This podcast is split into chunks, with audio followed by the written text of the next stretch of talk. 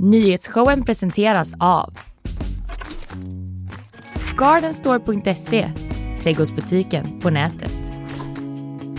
FKP Scorpio, missa inte morgondagens konserter. Oj, oj, oj, oj, oj vad gott det är att vara tillbaka igen. Välkommen tillbaka! Tack så jättemycket. God morgon allihopa. Det är ju nyhetsshowen, det här programmet som det heter, som sänder live från GP-huset Ja. här i Göteborg. Farnevik, god morgon. Hur är God läget? morgon, det är jättebra. Du ska snacka om eh, någon sorts eh, post-Eurovision eh, blues Ja, idag. det ska jag verkligen. Det bara, jag bara skrev och skrev och skrev. Vi får se vad det blir. Ja. Vad Det händer mycket, nu? Mycket information ska ut. Nu har det här landat i knät på oss. Ja, det kan man verkligen säga. Nu ska, måste vi arrangera ska vi göra med det? skiten. Ja. Ja. Det blir det om. Eh, Jag ska prata om sexköp i Göteborg. Våra kollegor har gjort en stor kartläggning av vilka det är som köper, vart de gör det och det ska jag berätta mer om sen. Mhm. Sen kommer allas vår Janne Höglund hit, utrikespoli- utrikespolitisk eh, analytiker Ja. här på Göteborgs-Posten. Vi ska snacka om valet i Turkiet. Det gick ju av stapeln ska man inte säga, men eh, det gjorde det i helgen eh, igår och det är fortfarande jättejämnt. Det är lite oklart exakt hur det slutar. Det här valet som ju har blivit högaktuellt, inte minst i Sverige då, eftersom Turkiet ju som bekant har oss by the balls när det gäller Nato. Ja. Eh, så det kan ju vara intressant vem som vinner där och så. Verkligen. Sen är det bakvagn, AI som kan läsa tankar och forskare vill förbjuda cigarettfilter ska jag prata om. Jaså? Mm. Jag ska prata om eh, de gulliga, gulliga älgkalvarna som har fötts i Slottsskogen. Ja, Nu ska vi få döpa dem, verkar det som. oh, är det tävling? Eh, ja. Eller bara... Jag hoppas du har tänkt ut något smart. Ja, du jag- har en timme på dig. Ja, jag la en liten stund på det på vagnen i morse och försökte så här sätta igång ordvitshjärnan. Ja. Jag, kommer, jag kommer inte Vi på. får se om den, den har kommit ikapp så om en timme då. Ja, Eh, Sen lite kanske om meteorologer och ah, kanske dåliga chefer är också ett ämne som är så kul att prata om. ja, det är det. Det är det verkligen. eh, har du stått och eh, sådär bara okynneshejat på olika löpare i helgen? Att jag faktiskt gjorde det. Du gjorde det? Alltså jag har inte liksom någon relation till Göteborgsvarvet. Det vill säga jag skulle aldrig springa det eller eh, alltså det enda jag tänker på är så här hur ska man undvika det på bästa sätt? Ja. Inte bara personligen utan typ det, hela stan tas ju över. Ja, ja, ja.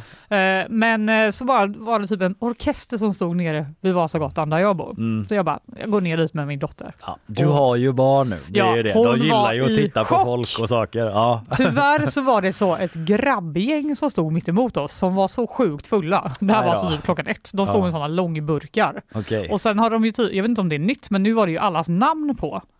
På, eh, på, eh, på bröstet namn, liksom. nummerlappen? Ja, så var Aha. det typ så här.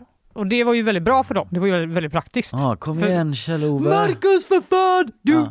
ökar tempot! Ja. Ökar! Jag bara, nej men gud vilken förnedring. Det räcker liksom inte att man måste springa. nu Jävligt ska så kill. fyllon hålla på och bara, Kalle för fan!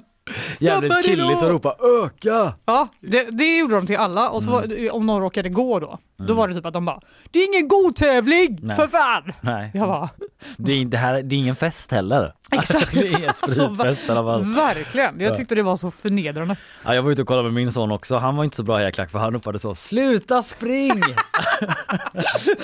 Han kände det där ser skitjobbigt ut. Kommer där med Mariaplan liksom har sprungit tre kilometer och de bara Sluta spring! Ja. Va? Men typ ändå snällare än spring snabbare. Ja, ja faktiskt. Det ska han ha. s- Släpp det. sätt. Varför vill han inte att de skulle springa? Nej, Han är bara två år, han fattar inte. Han tycker det liksom sticker ut för mycket. Vad är, vad är det här? Vad är det för bara- människor som springer? Det blir för mycket på en gång. Ja, och- men okej då. Och igår, då var det ju asbra väder. Ja, Vad gjorde du då? eh, har redan glömt. Nej men jag var ute och gick på eh, dörren så Hisingen. Dödens ö. Ja. Är det ett hissingsförakt vi, eh, Nej, vi vadå? har? Det är bara det det heter. Det vet väl alla. Ja, jag Nej men jag gick den fina fina liksom kajen bort till min mormor och morfar som bor vid Du är ju där ute en del. Jag är där ganska Ja, mycket är faktiskt. ganska Det är väldigt trevligt att gå där. Vad Jag, gjorde du? jag var eh, på, faktiskt på en mexikansk restaurang och käkade Mhm. eh, där de delade ut så här sombreros till de som ville då åt. Men då tackade jag nej till det för det känns, jag vill liksom inte, jag vill typ inte sitta i en gatumiljö med sombrero. Det känns inte rätt fortfarande. Det är jättekonstigt. Men var det pinsamt att säga nej? Var det typ att de bara Ah, tråkig men- du är? Nej men det var mer så här finns de. Det var inte som att de trugade på mig men de bottnade jättebra i det liksom. Så här. Det, de, Var de liksom, från Mexiko? Det tror jag. Jag frågade inte men det, det såg ut så. Kanske det kanske. Men då så hände ju det som, eh, som jag tänker ganska, måste hända ganska ofta med sombreros. Att folk satt på en uteservering med sombrero på då och åt och så blåste den av. Ja, de har ju så himla stort det. brätte, det är ju det som är Mycket grejen med luft sombreros. Då liksom- funderar jag då på om det är ett vanligt problem i Mexiko. Men du vågar inte dagar. fråga dem, Nej personalen? det vågar jag inte fråga. Det vågar jag inte fråga. Det Det kändes glädjer som ett övertramp. För att man ser ju sällan att de har det här snöret kanske under hakan på sombreros. Mm, typ att det är väldigt långt ner känns det som. Ja alltså just de, det. Just de knyter det det liksom vid, ma- vid naveln typ. Men vad ska det ja, hjälpa? det är sant. Det snöret har man faktiskt sett. Ja. Men jag undrar en blås idag om det är liksom hur vanligt sombreros är i vardagen i Mexiko. Hur mycket det är som en stereotyp. Det känns skönt att du har kommit ut i verkligheten igen så sådana här tankar kan väckas. Ja, ja men det är bra, det är bra för mig, det är bra för Göteborg att få höra det dryftas.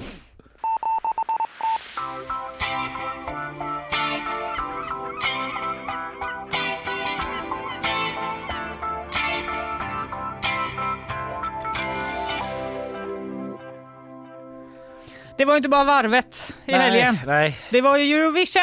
Ja! Och vi vann! Grattis till oss.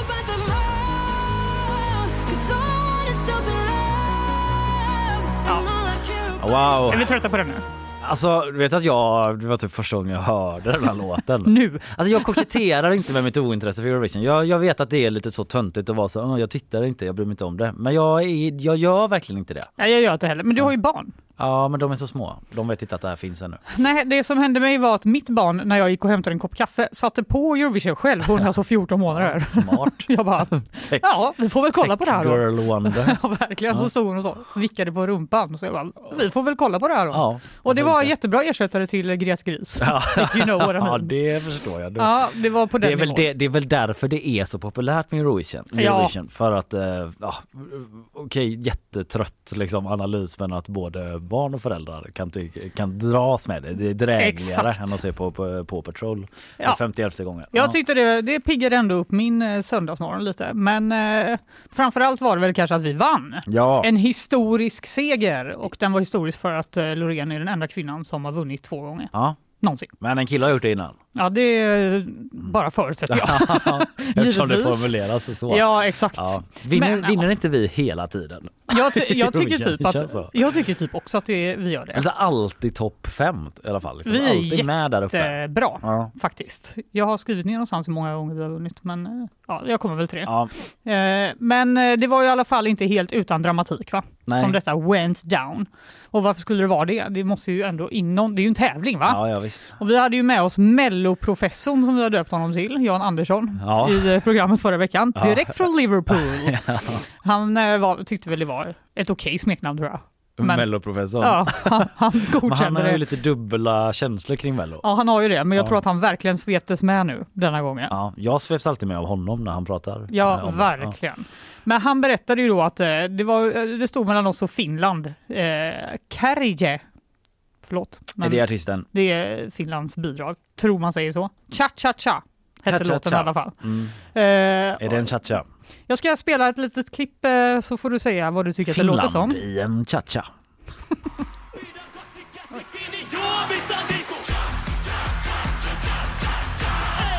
Jaha, det är någon sån här gammal eh, liksom östblockstrance. Jag tycker det låter som typ The Prodigy versus den här, du vet, I'm sexy and I know Ja it. just det ja. Du, du, du. Och lite så här Gangnam style. Ja, lite Eh, Gangnam style. Och sen om man typ orkar lyssna lite längre in i låten, vi ska inte göra det nu, vi får inte heller spela upp så mycket Mm. Musik, men det var, eh, då blir den lite mer typ ganska chill melodisk pop helt plötsligt. Ah, okej. Så det är som att det är bara väldigt många låtar Ja, i en låt. smart. En framgångskoncept Nå verkar det som. Ja. Eh, och eh, ja, Finland, de visade sig nu, det var det enda landet som då inte gav eh, Sverige och Loreen eh, en enda poäng. Inte en enda poäng. Noll poäng fick inte, vi av dem. inte ens dö poäng. Inte ens döpoäng. Och eh, Aftonbladet de har gjort ungefär 35 vinklar på Eurovision. Ja, Kanske såklart. fler. Jag, jag slutade räkna efter 30.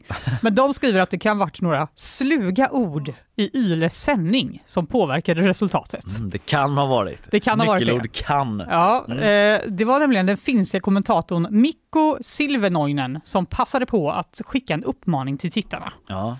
Rösta taktiskt! Det är inte förbjudet.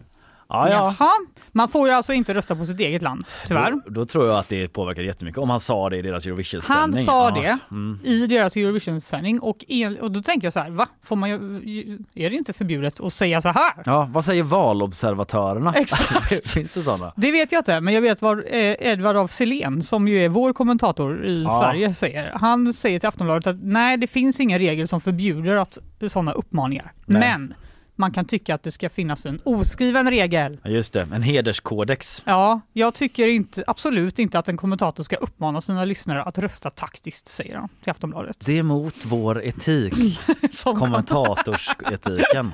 Han bara, det är ingen riktig bro det här. i. Finland.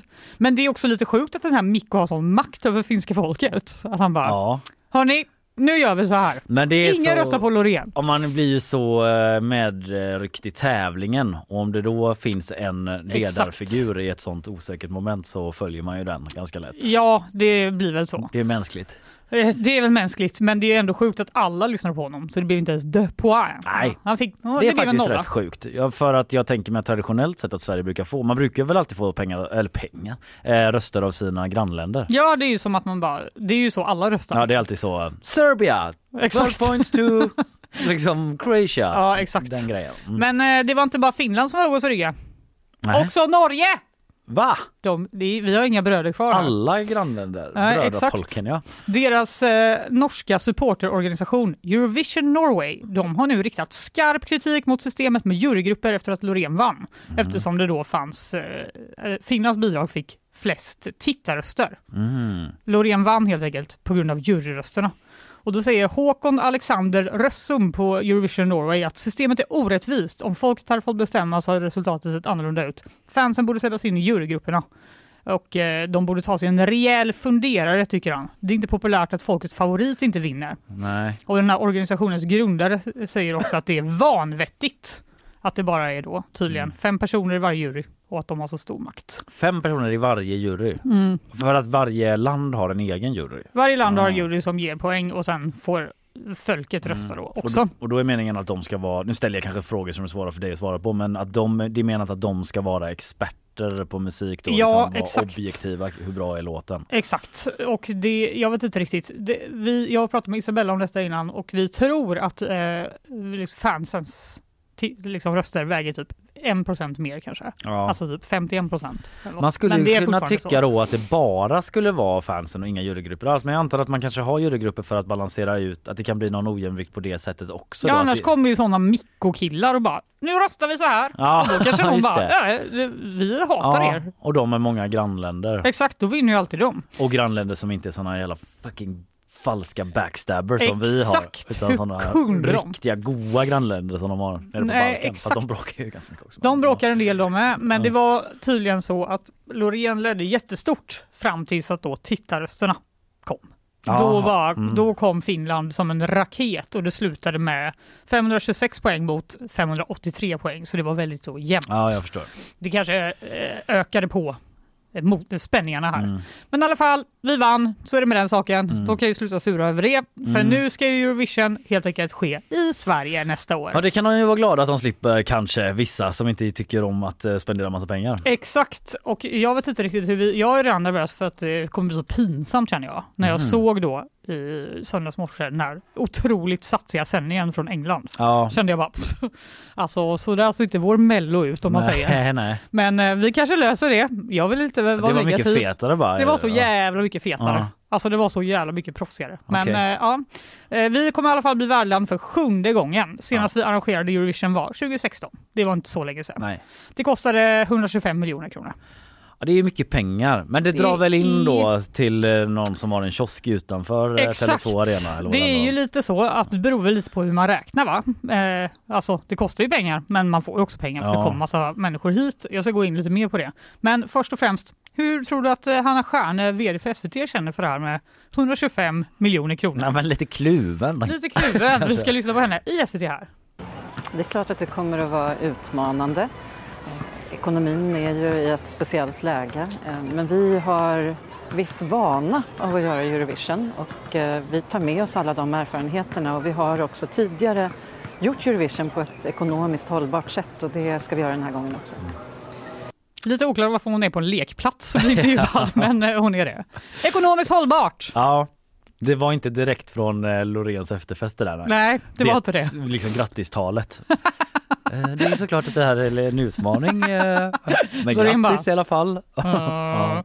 Nej, hon eh, säger att de ska göra sitt bästa för att inte det här då ska gå ut över andra program. Det vill Mm. säga att det blir så dyrt att de inte har råd att göra typ Gift vid första ögonkastet, tre miljoner säsonger. Nu ska jag säga en sak som jag är lite osäker på eh, hur faktamässigt korrekt det är. Men vad, jag har jag liksom min bild av att när det var Eurovision senast, att liksom det i Sverige, Mm. att det året eller om möjligen året efter, det var ju då SVT lanserade ett sånt eh, du vet ett program som var att eh, David Druid, komikern Mm. och min gamla kollega bara stod och presenterade olika Youtube-klipp.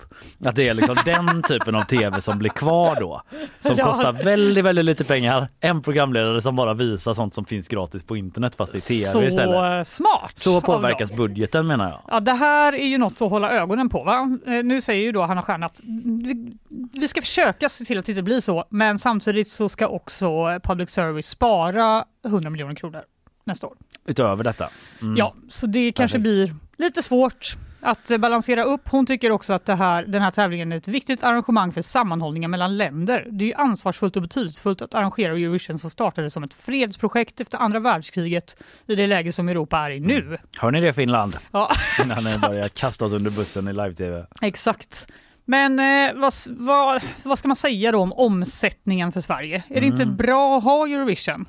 Arenaexperten Dan Persson säger till SvD att han, han har räknat på att man ska landa på att varje tillresande person spenderar 3 000 kronor per dag under sin vistelse. Och om du har då 20 000 inresare så lägger pengar på boende, konsertbiljetter, shopping, bla bla bla, bla. Så blir det mycket pengar. Men eftersom Eurovision då sätter vissa begränsningar när det kommer till att jobba med intäkter, det vill säga ja, det är reklam för tv. Du kan inte ha massa sponsorer eh, på samma sätt som om det hade varit typ TV4 som sände det. Nej just det. Då säger eh, eh, Dan Persson, å andra sidan har ju SVT stor tillgång till skattepengar! ja det har de ju. Så det var ju skönt att han redde ut det. Det är inget problem. Ja. De har ju stor tillgång till skattepengar. Nej, precis, men de drar inte in några pengar då utan det är Nej. ju såna, då är det jag som betalar för det då. Eh, ändå det är titta. faktiskt du, Ja. du och dina barn. Men det är lugnt för jag kan ju kolla på när David Ruid presenterar roligt Youtube-klipp istället. En odödlig klassiker som bara går att se om och om igen. Ja. Men eh, vem ska få äran då? Att arrangera Eurovision? Inte bara Sverige, utan då vilken stad, Vilken stad? ska det hamna i? Kan det vara Stockholm, Göteborg eller möjligen Malmö? Kan det det? Nej, enligt Dan Persson finns det bara tre alternativ. Ullevi Göteborg, eller Friends Arena och Tele2 Arena i Stockholm. Men de kan ju inte ha det på Ullevi, de kan inte ha det utomhus. Nej, för sen säger han också så här. Personligen tror jag att det kommer landa på Tele2 Arena och det enkla skälet att man inte behöver lägga om allt gräs. Det arbetet hade kostat 67 miljoner kronor. Ja, 6 just det. till 7, inte Sex 67. till sju, ja, just det, för det är konstgräs där. Det är ja. konstgräs där. Eh, Jag tror också att förra gången vi hade eh, Eurovision här så var det, eller vi ansökte om Eurovision, att få Mm. Eurovision till Göteborg. Mm. Då sa vi att det skulle vara i Skandinavien. Ja för man kan ju inte ha, man kan inte riskera att det ska regna eller så här fälla Nej. upp en tältduk. Har de eller- varit här? Ja, Det går liksom inte att bara, ja men jag vi kör det. den här eh, grejen här. Det hade varit coolt att ha det utomhus i och för sig men jag antar att det är för risky med hela tv-produktionen. Ja, så kan det verkligen vara. I alla fall så vill Visit Stockholms VD Karin Strand eh, verkligen att Stockholm ska få an- anordna tävlingen. Hon säger så här. Vi är en otrolig musikstad. Vi har ett starkt arrangörserfarenhetskap av just Eurovision. Eh, och vi är ju en helt fantastisk huvudstad som har en internationell position som är ja, märkvärdig faktiskt. Jag blir så sur. Ja, Jag bara, jaha, nu Men- tror jag att ni är så himla märkvärdiga. vad är det? En internationell position? Ja. Vad menar hon med det? Jag vet inte. Hon säger bara olika ord som olika vd Ja. säger tror jag. Stark musikstad, well. Well, well, well. Har du sett vår stad? Helt enkelt, de vill ha det. Vi vill, eh, visade sig sen att eh, Jo- Jonas Attenius, kommunstyrelsen ordförande, han säger till Expressen Här i att Göteborg ja. vi kan ha det ja. i Göteborg. Vi har infrastrukturen, vi skulle Ja. lösa det. Men vi är inne i en extremt svår tid ekonomiskt så han är inte så himla intresserad helt Han skulle sagt bara vi kan men vi vill inte. Ja, jag vet. Jag har skippat det där med pengarna. Jag vet. Sagt, vi kan men vi vill inte. Det blir säkert i Stockholm då. Ja, det hade varit kaxigare eftersom vi vet att vi ändå inte kommer få det. Ja. Då skulle vi sagt att vi inte vill. Verkligen. Malmö sa också det. Nej, det är, vi är i ett ansträngt ekonomiskt läge. Ja. Det går naturligtvis inte genom- genomföra det här till vilket pris som helst. Ja. Så grattis Stockholm då! Sliter med hälsan säger jag.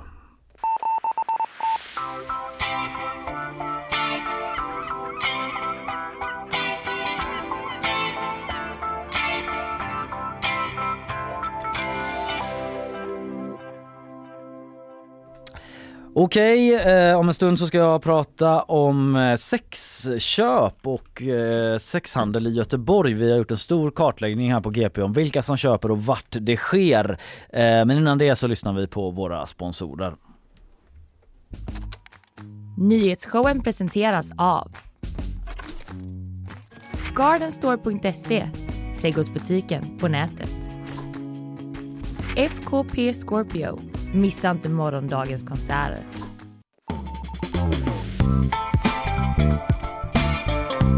Nyhetsshowen live från eh, GP-huset måndag 15 maj, halvvägs till juni och eh, om man utgår från första maj alltså. Ja, det gör vi Det alltid på vart man börjar när man säger halvvägs sådär. Eh, men redan framme är vid, eh, vid det här momentet som vi kallar för nyhetssvep. God morgon Elin Georgsson. Och där har du en mikrofon också. God morgon. God morgon. Du, eh, du ska få ordet eh, och eh, jag brukar liksom signalera det genom ett ljud som låter så här.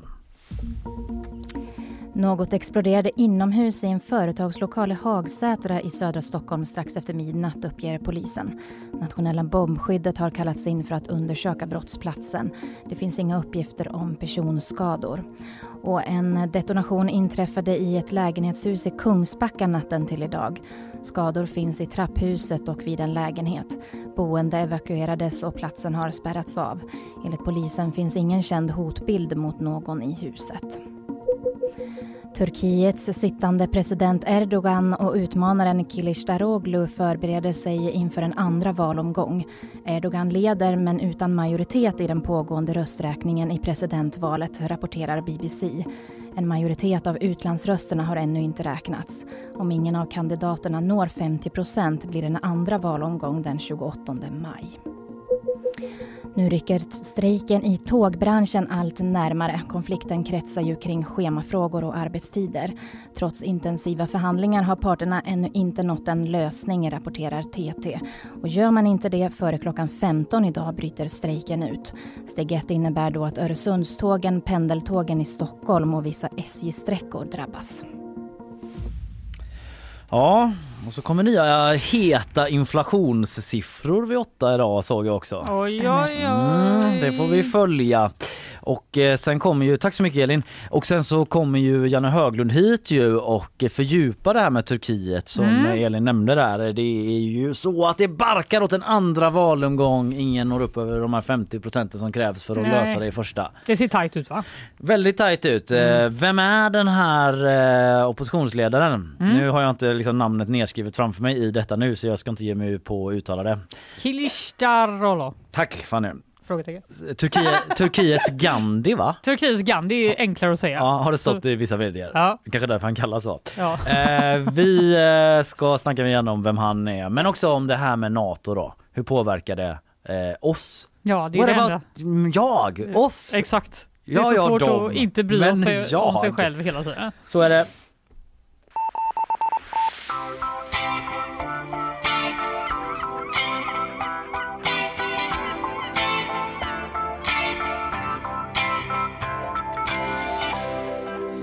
Sexköp i Göteborg, det ska vi prata om nu. Pappor och studenter.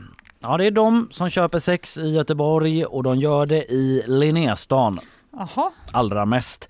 det var lite eh, ja. otippat. Ja, det Tycker tycker, jag. du? Ja, varför? Men vad vet jag? Nej, jag vet inte. Jag, jag just Jag har bara inte hört just Linnéstan innan som en sån stand-out plats. Nej, jag förstår. Vi återkommer till det. Eh, eh, för det här är information som jag hämtar då från en kartläggning som våra reportrar och kollegor här på GP har gjort.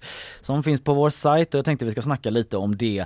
Eh, de har gått igenom då, bara dra förutsättningarna vad det är Mm. vi snackar om och utgår från. Samtliga domar från 2021 och 2022 eh, som avser köp av sexuell, köp av sexuell tjänst eller försök av detsamma. Alltså försök eh, till köp av sexuell tjänst. Mm. Och det handlar om totalt eh, 56 domar, 67 brottstillfällen och eh, 53 olika män. Så det är underlaget. Vi vet har. i alla fall vilka som åkt fast på olika sätt då, helt enkelt. Ja men precis. det Sen andra vet vi inte. finns det naturligtvis ett eh, jättestort mörkertal när det gäller sexköp. Det förstår nog eh, var och en där ute. Eh, och eh, så här kan man säga om den genomsnittliga sexköparen i Göteborg då utifrån underlaget vi har. Eh, han är då, för det handlar ju om män, det är Ja. det första man kan konstatera. Inte alla män. Eh, nej, men bara män Ja. eh, i det här fallet då. Eh, född 1990, relativt blygsam inkomst, ensamstående och tidigare ostraffad. Mhm. Det är någon sorts snittman för det här då utifrån Mm. underlaget. Något som du reagerar på? Nej, Nej. jag tänker typ, ja, jo alltså det är en ung person kanske är lite så. Om man bara tänker typ, eller inte tänker, om Ja. man bara re- tänk, liksom reagerar Ja. på eh, magkänsla så tänker man att det är någon sån gammal gubbe bara. Men exakt så tänkte jag Som med. inte, som är jätteensam, bla bla bla, Ja. Ja men man har en sån stereotyp bild av att det är någon liksom snuskig En- gubbe så. Ja, Men att det ofta handlar då om eh, en, ja, men en man liksom i 30-årsåldern då Mm. runt omkring där som, eh, som är de- som köper sex. Alltså ganska relativt unga män då ändå. mm, får man säga. Mm, eh, men bland de här männen som återfinns i domarna då så hittar man såväl småbarnspappor som studenter som höginkomsttagare. Den äldsta är så gammal som 80 år och den yngsta är 20 år men de allra flesta är alltså födda på 90-talet då. Tätt följt eller ganska tätt följt av 80-talet. Mm. Och lite andra så generella siffror. Eh, siffror. Medianinkomsten ligger på 193 000 kronor. Alltså 16 lax i månaden, inte så Mhm. mycket då. Nej. Eh, ehm, och då har ändå den med högst inkomst eh, drygt 2,3 miljoner i årsinkomst. Mhm. Men eh, ja, som sagt det är en hel del studenter och sådär. Ja, det och, låter det som. Men det är ju såklart svårt att säga något generellt så rent vetenskapligt utifrån detta om sexköpare men det ger ju ändå en bild av eh, vilka de här männen är och att de kommer från lite o, eh, olika omständigheter helt enkelt. Mm. Och eh, det man har gemensamt är helt enkelt att man köper sex då naturligtvis. Mm. Och vi på GP då eh, har eh, för att fördjupa bilden snackat med en polis som kallas för Anton i de här artiklarna som jobbar eh, bland annat som sexbrottsspanare. Han har andra uppgifter men han väljer också att fokusera på detta liksom i mån av Mm. tid och sådär också. För Mm, de har ju kommenderats ju till olika skjutningar och vad det kan handla om och sådär. Så kan det vara. Men eh, han eh, jobbar då bland annat med att hänga och spana vid ställen där man har anledning att tro att sexbrott kommer att begås. Det kan vara vid vissa hotell eller bostäder och sådär. Mm. Och då utgår han ofta från tips eller från internetspaning. Alltså typ att ett hotell kanske hör av sig om en misstänkt gäst. Ja? Det har vi ju läst om i. GP förr, att de har larmat Ja, eh, på hotellen just. ja det, det är har varit lite knivigt för artiklar. personalen att veta. Ja, det kan man verkligen tänka sig. Mm. Svår avvägning. Mm. Men då kanske man får ringa polisen då så får de eh, avgöra det. Exakt. Eh, Det kan vara ett sätt där man hittar platser att spana på. Det kan också handla om grannar då som rapporterar på liknande sätt men också att man hittar sajter där eh, det Mhm. säljs sex och att polisen kanske själva gör typ en sån liten intresse bara hallå vi Mm. är intresserade Mm. och då får man en adress Mm. eh, där det pågår så kan man spana där och helt enkelt berättar han Anton om. Och ehm, Angående det där med hotellen just, vi har Mm. haft lite, lite exempel på det. När man läser snabbt den spontana reaktionen är kanske Va, vad är det här för hotell liksom? Men han säger det att det är ju snarare så att de hotellen som rapporterar in det är Ja. ju ganska ordentliga Just det. för att de har koll på det och faktiskt ringer polisen. Mm. Så det är kanske snarare därifrån man inte rapporterar som man ska vara Mm. orolig då. Vilka det nu är för det vet vi inte eftersom de inte rapporterar. Åh nej! Det är en sån situation då vi har. ja, då. just det.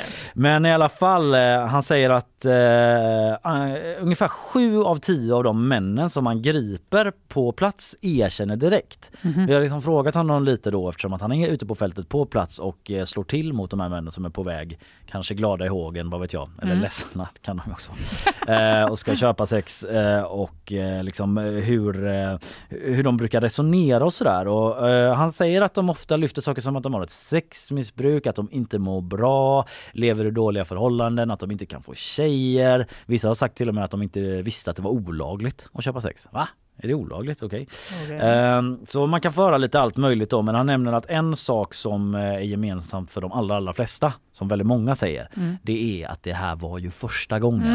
Det här var första gången jag skulle göra det här och eh, Typiskt. jag ångrar mig så mycket och sådär.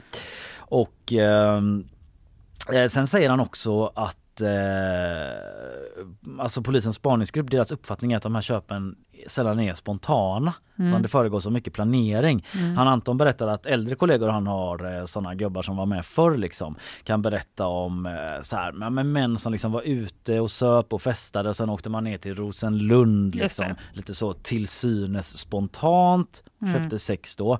Men det mönstret känner man inte igen idag utan att det kanske snarare är så att man liksom, du vet, har en särskild mobil där man håller kontakt med flera kvinnor och eh, liksom är ute och liksom rekar runt på olika hemsidor och att han Anton upplever att det den processen i sig är viktigt för de här köparna. Du förstår liksom att de kanske går igång lite på Just det det. här att eh, Det är en botanisera del runt. i köpet så att säga. Ja, av den liksom på. upplevelsen så Ah. att säga inom situationstecken. Eh, säger han Anton då. Eh, och att de som grips väldigt sällan eller nästan aldrig, i princip aldrig är påverkade av droger eller ens alkohol då. Så att det inte är förknippat med festande på det sättet. Och eh, han nämner att de som blir gripna också alltid är väldigt, väldigt stressade och skäms väldigt mycket och är oroliga för eh, om det här ska komma ut på något sätt. Vem ska få reda på det här? Kommer det dyka upp när man googlar på mig? Frågar folk och sådär. Jag bara nej det kommer inte. Men eh, ja det är sånt de undrar och de vill att de här breven från polisen och myndigheter ska skickas till jobbet och inte hem och de här bitarna då. Ja. Och ehm, ja, så det är lite om, de- om personerna då. Mm. Männen som köper. Det är det vi kan säga. Det finns mer om man Mm. läser artiklarna så. Lite ny information ändå. tycker jag. Ja, det är en viss förändrad bild då Ja. eh, av hur det har sett ut eh, tidigare. Och eh, om man då går till platserna då, Linnéstan, det är där som allra flest sexköp upptäcks av polisen. Vilken stadsdel tror du är tvåa? Osmickrande quiz för Göteborgs stadsdel här. 1, 2, 3, kör. Nej, ingen aning. Johan, inte... Johanneberg. Johanneberg! Ja, jag tvingade inte gissa, det är för svårt. Eh, de kom tvåa, sen kommer eh, Olskroken och Majerna. Och upptäcks är väl ett nyckelord här då. Ja, just det. Eftersom det finns ett jättestort mörkertal eh, naturligtvis. Och det beror ju på att den stora sexhandeln idag sker på nätet va? Japp. Att det är där, det är inte den här liksom gatuverksamheten på samma sätt som det har varit tidigare. Men eh, i Linnéstan då så upptäckte man alltså 11 fall av de här eh, dryga 50 som underlaget består av. Och Johanneberg 10 och sen liksom 5 i Olskroken och 4 i Majerna. Så det är ganska, sen är det mer utspritt. Mm. Så det är ju fortfarande så här eh, Ja, det sticker ju ut Linnéstaden och Johanneberg lite grann men svårt att dra några exakta slutsatser om varför det ser ut så. Ja. Jag tänkte först, jag som går runt med en lite förlegad bild av Göteborg ibland i min inre karta och sådär som Jaså? eh, exilgöteborgare i många år men att det kanske har att göra med att Rosenlund eventuellt ligger i Linné. Bara, är det Linné eller är det city? Ja skitsamma. Men det säger eh, den här eh, Anton då att liksom, de är fortfarande där en del och spanar och så men som sagt att det, flesta, det mesta ändå sker på nätet. Eh, och eh, som vi tidigare konstaterat så handlar det ju inte bara om människor med hög inkomst. Nej. Det skulle kunna vara en förklaring för Linné men det verkar inte heller vara hela svaret. Så det jag försöker säga är att det är svårt att It's fastslå exakt varför det ser ut så, eller jag kan inte göra det i alla fall. Eh, och eh, ja, det om platserna egentligen. Eh, vi har pratat om männen och platserna. Kvinnorna då? Mm. Alltså polisen ser en ny utveckling där de senaste åren och det är att man upptäckt allt fler kvinnor från Ukraina då som eh, hamnar i det här, som flyr till Sverige och hamnar i Göteborg och säljer sex. Och och Eh, ja, det har ju förstås med kriget att göra, det förstår varenda en. Och eh, generellt sett säger den här Anton då som vi pratat med att ingen kvinna är i Sverige och säljer sex frivilligt. Nej. Alla har liksom någon form av eh, hallick i bakgrunden som styr det här och arrangerar på något sätt och då är det liksom ingen som går med liksom päls och käpp på gatan och spatserar fram Mm. som någon sorts gammal eh, pimp eh, karaktär utan alltså det kan vara att sexköparen då ringer ett nummer och hamnar i någon sorts callcenter utomlands och sen får en adress och så kommer man dit och så får man en lista med eh, så här, det de här tjänsterna erbjuds och det kostar så här för så här lång tid och så. Det är ganska formaliserat på det sättet. I artiklarna som ligger på vår sajt gp.se och vår app då, där kan man se sådana här sms-konversationer från förundersökningarna och sådana här prislistor och hur snacket går emellan och sådär. Om man vill eh, lära sig mer om hur det går till. Eh, men eh, ja, bara för att ta några avslutande exempel där så liksom eh, lyfter de i artiklarna en spansk kvinna som säger att hon kan tjäna upp till eh, 4 000 euro då i Göteborg på 10 dagar. Och att det motsvarar en lön för 3 till 4 månader i Spanien. Och hon är ensamstående mamma. Så hon gör det här för att tjäna pengar då till henne och sitt barn. En annan kvinna är en rysk kvinna som säger att hon jobbar som slav i princip och har 10 klienter per dag. Ja, så det är fruktansvärt naturligtvis och det finns flera exempel då både på folk som eh, säljer sex, fastnar i det. Det finns exempel på folk som har eh, utsatts själva för brott. De som säljer och själva blivit utsatta för andra brott då. Eh, I samband med detta och det finns också fler exempel på de här männen i, som, som domarna rör, vilka de är. Mm, Alltså generellt så. Eh, Inte det, ingen kommer googla deras namn. Nej, nej men precis, man- det var det jag försökte. Så att De- inte så. Folk sitter och svettas här ute. Här är liksom ett bildspel med alla utan mer så eh, lite information så. Ja. Eh, men jag sätter punkt där. Man kan läsa mer på gp.se om man vill ta del av hela den här eh, djuplodande kartläggningen som våra kollegor på krimredaktionen har gjort. Nu går vi vidare.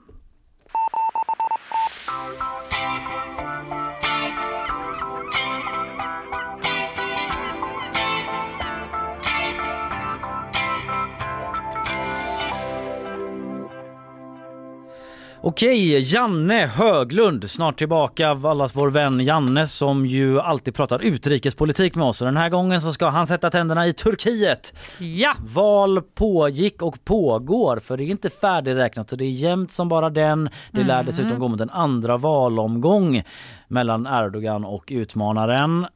Nej vad taskig jag är. Det är du som är expert på att uttala hans namn. vet du vad? Jag tror vi tar in en riktig expert istället. Ja vi gör det. Kilisdarolo, Kilisdarolo Ah, tror vi det uttalas. vi tror det. Mm, eh, Janne kommer om en liten stund, eh, snackar valet i Turkiet. Eh, först sponsorer. Nyhetsshowen presenteras av Gardenstore.se, trädgårdsbutiken på nätet. FKP Scorpio, missa inte morgondagens konserter. Det här programmet som du lyssnar på det heter Nyhetsshowen och det sänds live från GP-huset. Och igår så gick ju turkarna till val. Eh, Det har blivit en riktig rysare, man räknar röster allt jämt. Oj, oj, oj, det pågår just nu ju. Det gör det och än är det inte avgjort. Eh, Och det kanske inte blir det heller i den här första omgången. Vad händer då och vad är det som står på spel? Vem är det som utmanar Erdogan som suttit vid makten i 20 år och hur påverkar det Sverige om han eller motståndarna vinner? Vi är ju lite i händerna på Turkiet vad gäller NATO, det vet varenda svensk där ute vid det här laget. Och varenda göteborgare vid det här laget vet väl vem Janne Höglund är. Han är vår gäst idag, utrikespolitisk eh, kommentator och analytiker här på Göteborgs-Posten. God morgon Janne! God morgon, god morgon. Du, eh, under morgonen här vid fyra tiden läste vi någon siffra på att 97% av rösterna var räknande och då lutade, det då lutade det åt att ingen kandidat får över de här 50 procenten som krävs då för att vinna i första omgången av valet. Vad händer då om ingen kommer över? Om ingen kommer över så blir det alltså en andra valomgång och avgörande sådan den 28 maj. Mm. Och som läget är just nu, som ni säger, så är det oerhört dramatiskt just nu. Allting tyder på att Erdogan har gjort ett starkare val än man hade väntat sig enligt opinionsundersökningar och framförallt enligt oppositionens förväntningar. Han har nu ungefär 49 procent av rösterna medan utmanaren då Kilic Daroglu har Mm. 45. Eh, det finns en tredje kandidat som heter Sinan Ogan eh, som leder en allians på högerkanten. Han har fått 5,2 procent. Han har sagt att han ska nu prata med sina medarbetare, sina väljare om vad de ska rösta på. För att där finns ju 5 procent och det kan ju avgöra hela Mm. valet. Så han är en kungamakare eller en sultanmakare man kanske ska säga i eh, eh, Ja. För i andra Turkiet. omgången så blir det eh, eh, bara två kandidater då. bara två Och kandidater. då ska de här ställs. fem procenten ut Yes. till någon av dem då ja. Ja, vad spännande. Så han är väldigt viktig nu då, den här Han tredje. kan bli viktig om han kandidaten. eh, förmår sina medarbetare att lägga rösterna på, i en pott. Och han har ju tidigare stått ganska nära Erdogan eh, så att eh, det kanske är en indikation på vart han gör. Va? Men eh, det låter vi vara osagt. Vad som Ja. händer nu det är ju att under två veckor så kommer den här valrörelsen om presidentkandidat eh, presidentposten att fortsätta. Mm. Och den har ju varit ganska smutsig nu med anklagelser om inblandning och eh, påstådd från APKs sida, det vill säga från Erdogans sida, som har ju ofta tagit till eh, att ni stöder PKK, ni stöder terrorister. Mm. Underförstått, ni är själva terrorister. Mm. Eh, och eh, den här, eh, det ledde ju till att eh, en kandidat som hoppade av. eh, en kandidat hoppade av utsatt för fejkade uppenbarligen eh, sexanklagelser och mycket annat. Vad så, det var det Fejkade bilder va? Att det var Ja. väldigt eh, smutsig liksom Ja, och det var ju det värsta han har upplevt under alla sina år som politiker. Så han valde att hoppa av helt enkelt. Och mm Kilistadoglu anklagade Ryssland för att, eh, för att konspirera och ha placerat de här grejerna. Det har man förnekat från Ryssland. Eh, Men eh, sånt är klimatet, sånt är stämningen. Och Mm. nu befarar ju många att det ska bli ganska oroligt och motsättningar och kanske bråk Mm. eh, fram till den andra valomgången. Men det får vi väl se. För sup- supportrar från båda sidor verkar nu, om man har sett rapporten under morgonen, jubla över segern liksom. Ja, Mm. Absolut, man tar ut segern från eh, oppositionen säger man att vi kommer vinna en andra, andra valomgång och eh, Erdogan är ju väldigt säker på att han ska vinna. En sak som är värt att notera det är ju valet som har skett parallellt till det, eh, till det turkiska parlamentet. Där har Mm. ju Erdogans parti förlorat ett antal röster och platser Mhm. men ser ut att ändå kunna få majoritet tillsammans med sina högerkoalitionspartner. Så det innebär att även om det skulle bli en ny president, en eh, oppositionens president skulle vinna, så har han alltså att jobba mot ett parlament som fortfarande styrs i hög grad utav APK och eh, eh, Erdogan. Och Men det, det ju- blir ju en svår situation. Alltså. Ja, det är ju lite ironiskt eftersom Mm. oppositionen ju gick på val för och ville ta tillbaka makten Ja. till folket och parlamentet. Bara för att återknyta till en bekant fråga för oss, NATO-medlemskapet. Ja. Mm. Om den nya presidenten, om det skulle bli en ny president, säger vi står bakom detta, men det är upp till parlamentet att ratificera. Men där finns alltså då den nuvarande regimens majoritet som tidigare har vägrat göra det. Ja. Det kan bli väldigt svårt och det här kan ju då visa att det drar ut på tiden mycket för att eh, både om nu det blir en andra valomgång som allting tyder på och sen ska man formera nya politiska partier, fungerande utskott och så vidare. Så det här kommer ta lång tid. Så att förhoppningen om att Sverige skulle komma med i NATO till eh, toppmötet i Vilnius i juli, det tror jag är ganska litet just nu. Men bara för att klargöra den här oppositionsledaren Kilic Daroglu, han eh, är ändå positiv till att Sverige ska med.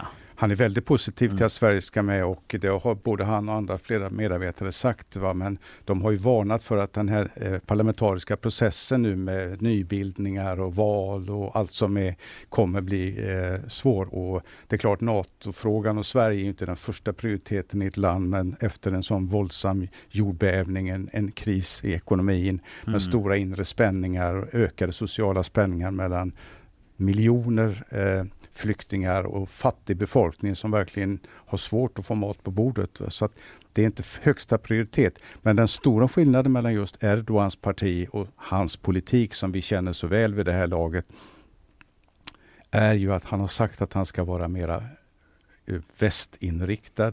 Han ska stå för en demokratisering, det vill säga att parlamentet ska ha makten, inte presidenten. Mm. Han vill upprätta eh, rättsväsendet. Eh, han vill lösa eh, Syrienfrågan och kurdfrågan. Eh, För EU och USA låter ju detta som väldigt sköna ord och nästan befriande ord efter den här perioden med Erdogan. Men det är enorma utmaningar så att vi får nog inte överdriva möjligheterna eh, för en ny president om det nu skulle bli han mot förmodan. Nej, särskilt inte om eh, parlamentet då har övervikt åt andra hållet Nej. dessutom. Precis. Men med det sagt, eller förlåt avbröt dig. Nej, absolut inte. Bara krångligt. Ja, krångligt, det blev. Eh, krånglig situation. Men Ja. Erdogan har ju ändå suttit vid makten då i 20 år eh, ungefär eh, på en eller andra sättet. Eh, hur stort skulle du säga att det är om han eh, förlorar den makten nu eller försvinner som president? Förlorar han är det väldigt stort. Det är ett vägval och en ett, ett epokgörande händelse. Om han vinner, då Mm. blir det som vanligt. Sen han var, Som vanligt alltså. sen han var Ja, om borgmästare, han vinner då, förlåt. Ja. mm. som han, sen han var borgmästare i eh, Istanbul eh, på 90-talet fram till de här 20 åren som ledare. Först som premiärminister och sen som president så har han ju vunnit allt som han vinner. Dock med kritik flera gånger för att det är eh, riggat. Eh, till exempel folkomröstningen som gjorde att han fick presidentmakten och i princip eh, obegränsade befogenheter. Så sades det ju att det kom röster som inte egentligen fanns eller obefogade röster och sånt där vidlåder ju alltid de här eh, eh, valen i de här länderna. Eh, huruvida det har förekommit någon fusk eller oegentligheter den här gången, det är svårt att säga. Vi får väl se vad valobservatörerna kommer fram till, bland annat svenskar som är där nere nu på Mm. OSSEs uppdrag. Just det. Ja, jag hörde någon på radio i morse som inte hade upptäckt något vid sin lokal där han var posterad i alla fall. Men det är ju Svårt. många lokaler. Ja, Eh, Så det får vi se då. Eh, Flera politiska experter då som eh, vi har läst om har sagt att det här kan vara sista chansen att stoppa Erdogan, sådana som är kritiska mot honom och därmed då behålla Turkiet som en s- relativ demokrati i alla fall. Är det så dramatiskt? Ja många säger ju det och det, Erdogans politik tyder på det. Sen eh, han kom till makten så var ju först ett, ett ljus, något som alla trodde på. Han var öppen mot väst, han började medlemsförhandlingar ville man se framåt. Eh, Turkiet skulle bli en del av EU, EU Mm. Turkiet är ett kandidatland. Eh, men sen har ju allting gått på sned, eh, åt andra hållet och det skedde ju egentligen efter 2014, 15 och sen det här statskuppsförsöket där han rensade ut stora mängder av sina oppositionella och eh, på, påstådda fiender. Mm. Och nu är, för han ju ett väldigt auktoritärt styre där han styr och ställer efter eget huvud och dessutom är han ju som medlem i försvarsalliansen NATO och som en viktig samarbetspartner för EU väldigt opolitlig, oberäknelig. Han är ju han lever ju i, i ett område av världen som är väldigt viktigt geopolitiskt mellan eh, Europa och Asien i en konflikthärd med Syrien, eh, Kaukasus, kontakterna till Ryssland. Frågan är nu vilket, eh, vilken attityd som EU och USA kommer ta i förhållande till eh, Turkiet och Erdogan om han sitter kvar. Det är oerhört viktigt att gå försiktigt fram så man inte fjärmar Erdogan mer och mer så att han går i händerna på Kina och Ryssland fullt ut. Nej, Kina den laguppdelningen är Nej men det är ju så i världen, Ja. den här geopolitiska spänningen som finns nu, den eh, handlar ju mycket om det. Mm. Vi ser ju hur Kina har gjort eh, stora framsteg och vunnit mark nere i Mellanöstern genom att medla fram en slags vapenvila, fred mellan ärkerivalerna Saudiarabien och Iran. De är delaktiga och möjligen kommer de med någon slags fredsplan i Ukraina. De finns överallt och det är en stor ekonomisk makt och är det något som Erdogan behöver så är det pengar Mm. för att klara allting. Och eh, Ryssland har vi fortfarande kvar som en osäkerhetsfaktor så att det är väldigt känsligt för USA, för NATO och för EU nu hur man ska agera gentemot Turkiet. Så man får nog komma med några lock lockelser Mm. också inte bara ut med honom i kylan för alla övergrepp mot eh, mänskliga rättigheter och sånt som han anklagas för. Men det har ju varit ganska mycket kritik mot honom även inom Turkiet. Vi var inne på det med arbetslöshet och en orolig ekonomi Ja. och så var det ju det här med jordbävningarna Mm. och att det var dåligt, han var dåligt förberedd och det tog lång tid att få hjälp och så vidare.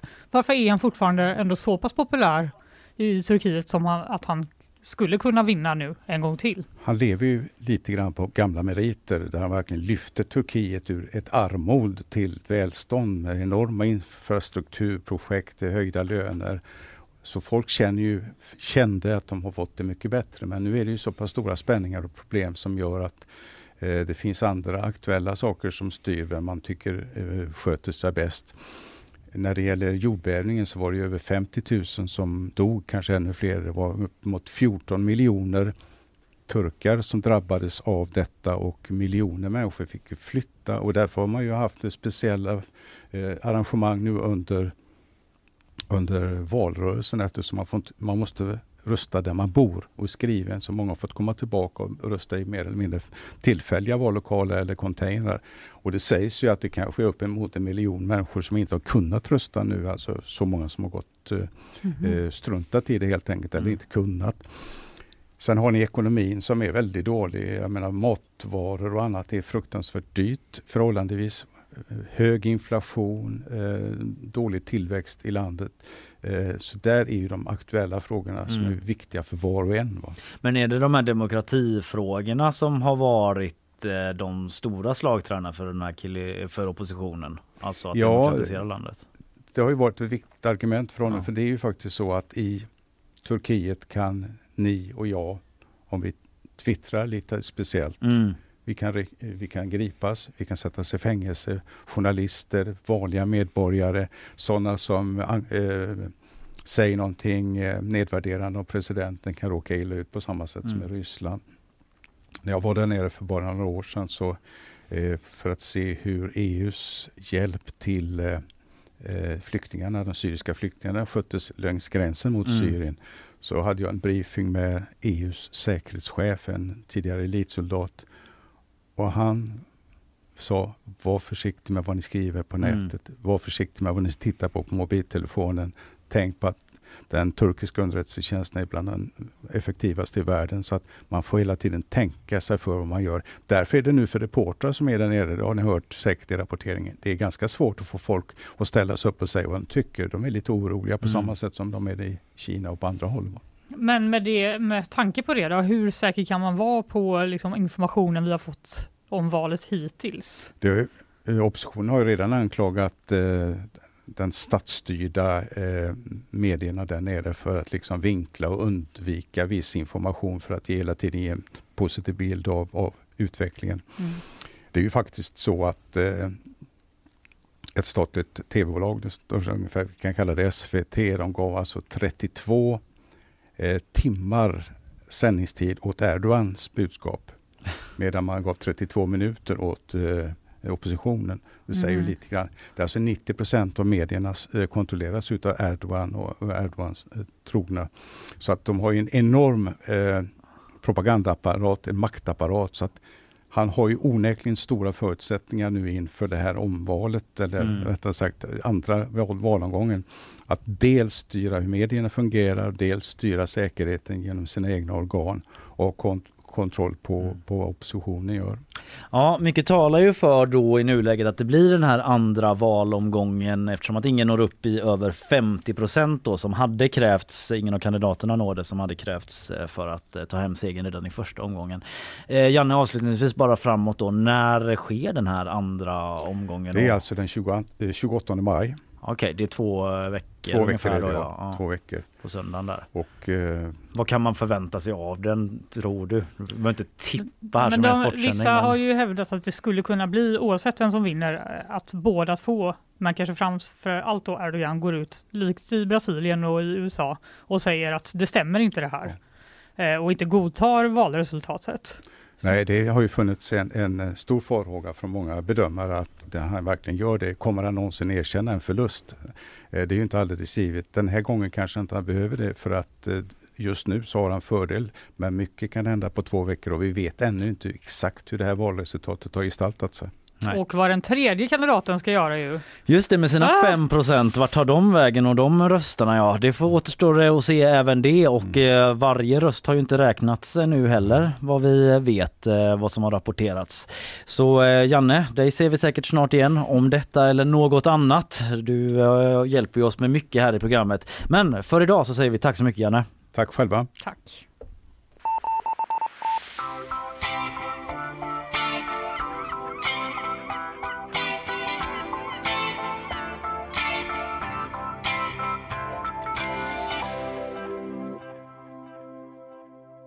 Yes, vi kastar oss vidare i vanlig ordning. Vi ska lyssna på vad våra sponsorer har att säga. Nyhetsshowen presenteras av Gardenstore.se, trädgårdsbutiken på nätet. FKP Scorpio, missa inte morgondagens konserter.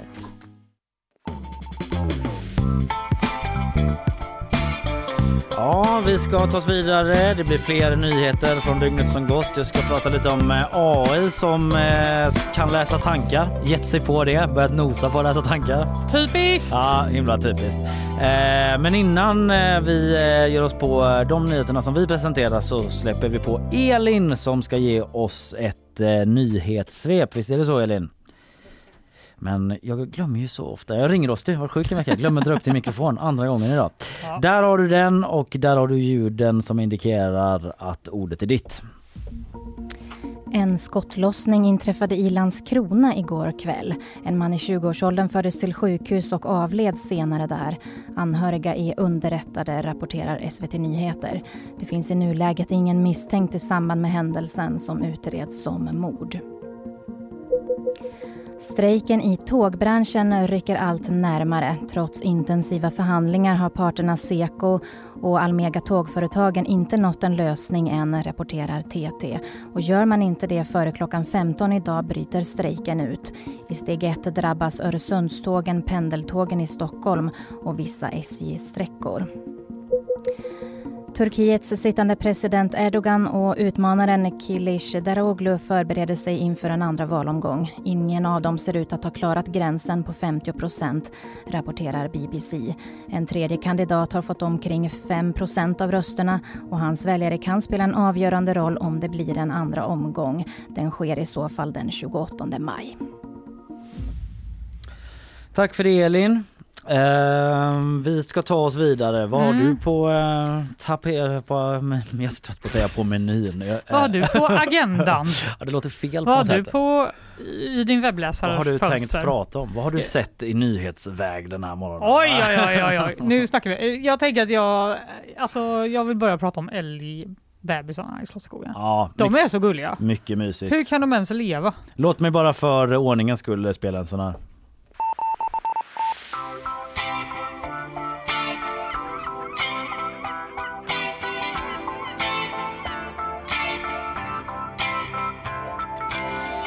Vi tar hem det till Göteborg efter vår Turkiet-utflykt här. Ja, vi behöver bryta av lite och det gör man ju bra om man känner att det, blir, det är så mycket och komplicerat. Då kan man gå in på g.se och bara bläddra lite i bildspelet på de gulliga, gulliga älgkalvarna. Ja, låt mig eh, bara gå in på Ja, sajten måste medan du pratar. göra det, för ja, de är ja. så gulliga. Pratar du och så går Ja. jag in. De föddes i slutet av april så de är liksom brand new. Mm. Eh, men eh, det de inte har fått, det är namn. Det har de inte. Jag har sett dem med mina egna ögon. Har du det? Ja, uppe med eh, mina barn. Ja, jag måste gå dit och barnen. kolla Ja. idag faktiskt. Ja, Men var eh. Slottsskogen, bör, de känner att de har inte den här kreativa hjärnan som du försökte kicka igång själv här i morse. Som jag inte heller hade. Nej. Nej, det var ju tråkigt. Det var faktiskt lite synd eh, för den här pratans skull, men skitsamma. Vi kan inte begära så mycket av dig. Nej men jag började liksom varva igång så här, vad ska de heta så eh, Helge, ja det finns en, du vet man vill liksom såklart söker ordvitsen. Ja, Och liksom, men jag, Det- jag, jag nådde inte fram riktigt. Skitsvårt ju. Jag kan säga, ge dig inspirationen då. Det finns tre vuxna älgar Ja, i Slottsskogen idag. De heter Elsa med Ä. ja Henrietta. okej. Vet inte, Henrietta känns inte så älgigt Nej. spontant, Nej, men nej. hon heter det. Och sen eh, Moses. Och Okej. det känns lite älgigt av någon anledning. Ja men det kan, det, ja. Jag vill, jag vill eh, säga jo, att älgen säger var- moo. ja. Fast vet du också att det är varför det är Moses ju? För att det heter ju Moose. Ah, det På var det! Det var som att det var Kom jag något på i... nu för jag fattade ja. inte det i morse. Nej, men det var som att det var något i hjärnan som bara, ja, Moses är ju en älg. Men skitsamma. Men det känns jag att det är liksom bästa möjliga ordvits på ett älgnamn, Moses. Ja, det är det svårt var att ju- slå det. nu det när var ju är en- dumt av eh, Slottsskogen att ha ett så bra namn redan. Ja, redan. Men för jag började liksom säga okej om man inte går på själva L då kan man gå liksom på horn. Kan de heta liksom så horn, hornreta? Men det kändes inte, det är ju inget kul. Det är väl inget kul eller? Nej, det är faktiskt för... Det är kul för att det är så fruktansvärt Ja, dåligt. Hornreta. Nej, jag vet inte. Det är också något Jag med att det jättenöjd med det. är hor. Ja just det. Mm, nej, det känns inte heller Det är ju ett litet barn vi pratar om. Och då tänkte jag så här älgko, kan det vara någonting med så här ko, kohannes? Men då blir det liksom så här, då tänker man ju mer på en ko bara. Jag tror att, eh, Även om det är en älgko. jag tror att du måste släppa det här att det ska vara ett ordskämt kanske. Ka- älgkalvar finns ju också. Ja, kalv. Kalvar. Kalvar, Som alvar. som alvar. Al- alvar Men den ska ju växa upp och bli stor. Ja just och det, inte då blir det svårt ja. Nej, just det. Nej, Också eh, en brist. Det verkar i alla fall som att, att det kan bli svårt. Men om man har bättre idéer än vad vi har så kan man gå in på Slottsskogens sociala medier. Eh, För där kommer man då kunna eh, hjälpa till att döpa dem. Det är en tjej och en kille, säger eh, Anna Schönström till P4 Göteborg. Mm. Kan vara bra att veta. Det är en tjej och en kille. Eh, Men grejen är ju så här då att eh, vi kommer inte få behålla de här kalvarna. Alltså ska de släppas ut i skogen? De ska inte släppas ut i skogen, men Nej. de ska flytta till andra djurparker innan sin första Ja. födelsedag. Så är planen även denna gång. De är redan bokade om allt går som de ska. Det är inga problem att bli av med dem. Ja, för det finns många intressenter där ute. det, och det ja. kan man ju förstå för att de är så sjukt gulliga. ja, de kan inte ha många, hur många älgar som helst där uppe. Det fattar man ju. Nej, men nu känner jag verkligen att jag vill veta vad de kommer heta redan nu. Ja, Ja, men man kunde skicka in förslag till Slottsskogen eller? det står att de kommer att be om det. Okej, de är inte men riktigt de framme verkar nu. inte riktigt ha kommit de så måste långt än. sätta upp hemsidan först eller Ja. liksom göra något sånt. De kanske har gjort det nu på morgonen. Instagrampost kanske. Ja, Ja. ja, det är det jag tänker. Vet du att jag var i Slottsskogen eh, då eh, i helgen här Mm. eh, och tittade på pingvinerna. Där kan ni hitta mig ofta vid Mm. pingvinerna med min son då. Mm. Eh, för de är ju ute nu Ja, eh, sen ett tag och då var det en pingvinbebis eh, eller unge Mm. som var där ute och simma och då skulle de få in den över natten. Mm. Och då började jag känna lite hur står det till med Slottsskogen egentligen? Vad får de för pengar av kommunen? För när de skulle fånga in den med en stor hov då var det hål i hoven. Så att hela, liksom, hela nätdelen, den viktigaste delen av en hov egentligen. ja det är ju Eh, den som är Ja, liksom... det, är själv, det är ju hoven. ringen och pinnen är också viktig i och för sig men utan nät så är det inte samma mening med det. Den var helt, eh, inte uppklippt men eh, som om den vore uppklippt. Det, var, någon bara, det ville- fladdrade bara i vinden. Men vad jobbigt och så står ni där och bara hallå? Ja det var inte bara till här?" vi, det var inte bara vi. Det var fyra man engagerade från Slottsskogens personal som höll på med detta och försökte få in den. Men då var det någon som ropade, du vet lite sån eh, teaterviskning eller liksom sådär eh, bara för att för, sa det till sin kollega men det var uppenbart att det var en förklaring till alla som stod och tittade här. Ah, du använde den för att blocka vägen bara för de hade en hov som var hel men också men- den här trasiga. Så de liksom så Kunde du här, inte bara knutit en knut i botten? men den var väldigt mycket sönder. Jaha, Ja. kul. Det var absolut den längsta största hoven jag någonsin sett. Så det var ju också en upplevelse att få se det. Det kanske är skitdyrt att köpa en Ja. ny. Till slut så fick de in den i den här lilla hoven och tog in den i alla fall så slutet gott I guess. Ja, Ja, men det kanske ville vara där ute. ja men eh, det är nog, jag tror att eh, de där Slottsskogens personal har djurens bästa i åtanke. Tror det. Det blir kallt säkert. Jag tycker vi ska hitta på några förslag eh, och lägga upp på Instagram sen. Så kan folk bidra där också. Vi Ja. har en egen tävling. Vi... Jag, ska, jag kommer utmana dig sen. Ja gör det och så Mm. kan vi ge lite inspiration där så får folk skicka in och så får vi se. Ja, vi kanske kommer suga. Men Ja, vi kan ju försöka... Det kanske inte blir den här jättestora grejen vi gör av det. Men en liten grej kan det få men bli. en mysig måndagssyssla. Så, så god som någon.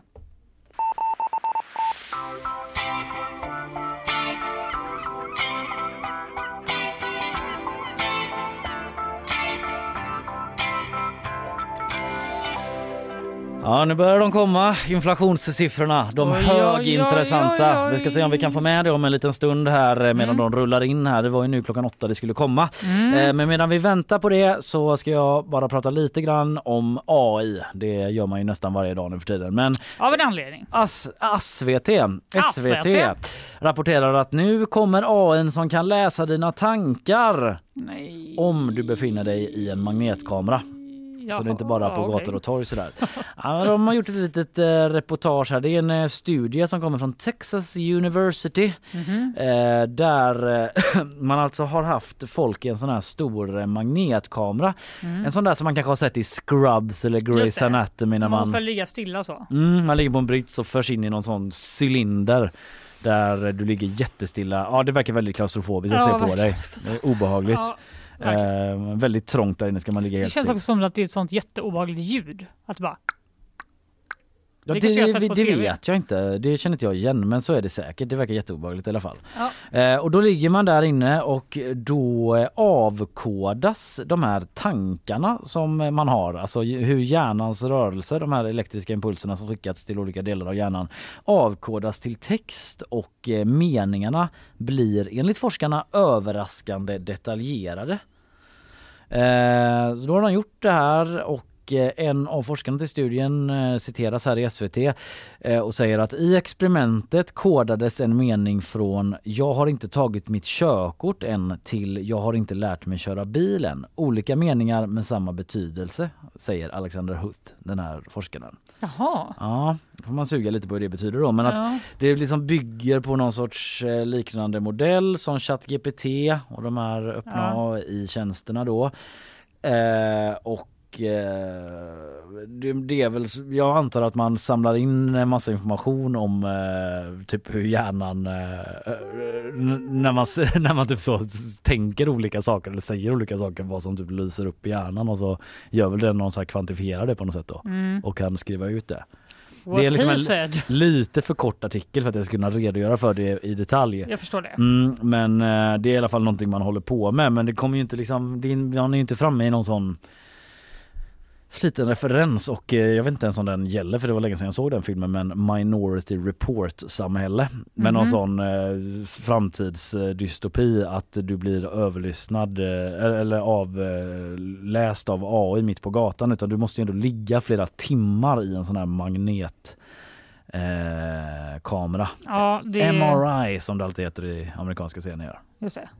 För att de ska kunna läsa av eh, tankarna i hjärnan. Okej, så obehagligt men inte direkt hot om du går ut på gatan just nu. Det känns ändå skönt. Nej precis, alltså eh, Nej men exakt. Om tio år kan vi läsa tankar perfekt säger en forskare till ETC som också skrivit om det här eh, i förra veckan då. Det är ju inte så länge kvar. Nej, men, men precis. Men det, det, det tarvar väl fortfarande att man ska ligga jävligt still Ja, i en sån eh, hjärnröntgenmaskin. Det låter då. som att man måste vara relativt frivillig. Ja, och eh, kanske utsättas. liksom, ja, det känns ju som att man skulle kunna undvika Mm. Eh, all- I och med att eh, AI måste hela tiden gå på ma- informationen den har samlat in så om man tänker på något helt nytt. Eller förstår du vad jag menar? Eller något hemligt som man aldrig Den bara, berättat om. Men det kanske aktiverar någon sån hemlighetsdel i hjärnan. Man vill liksom inte visa den här studien för en sån totalitär förtryckar tortyrregim. Nej, det vill man ju Känns inte. som de hade varit nyfikna på det. Känns som det, ja.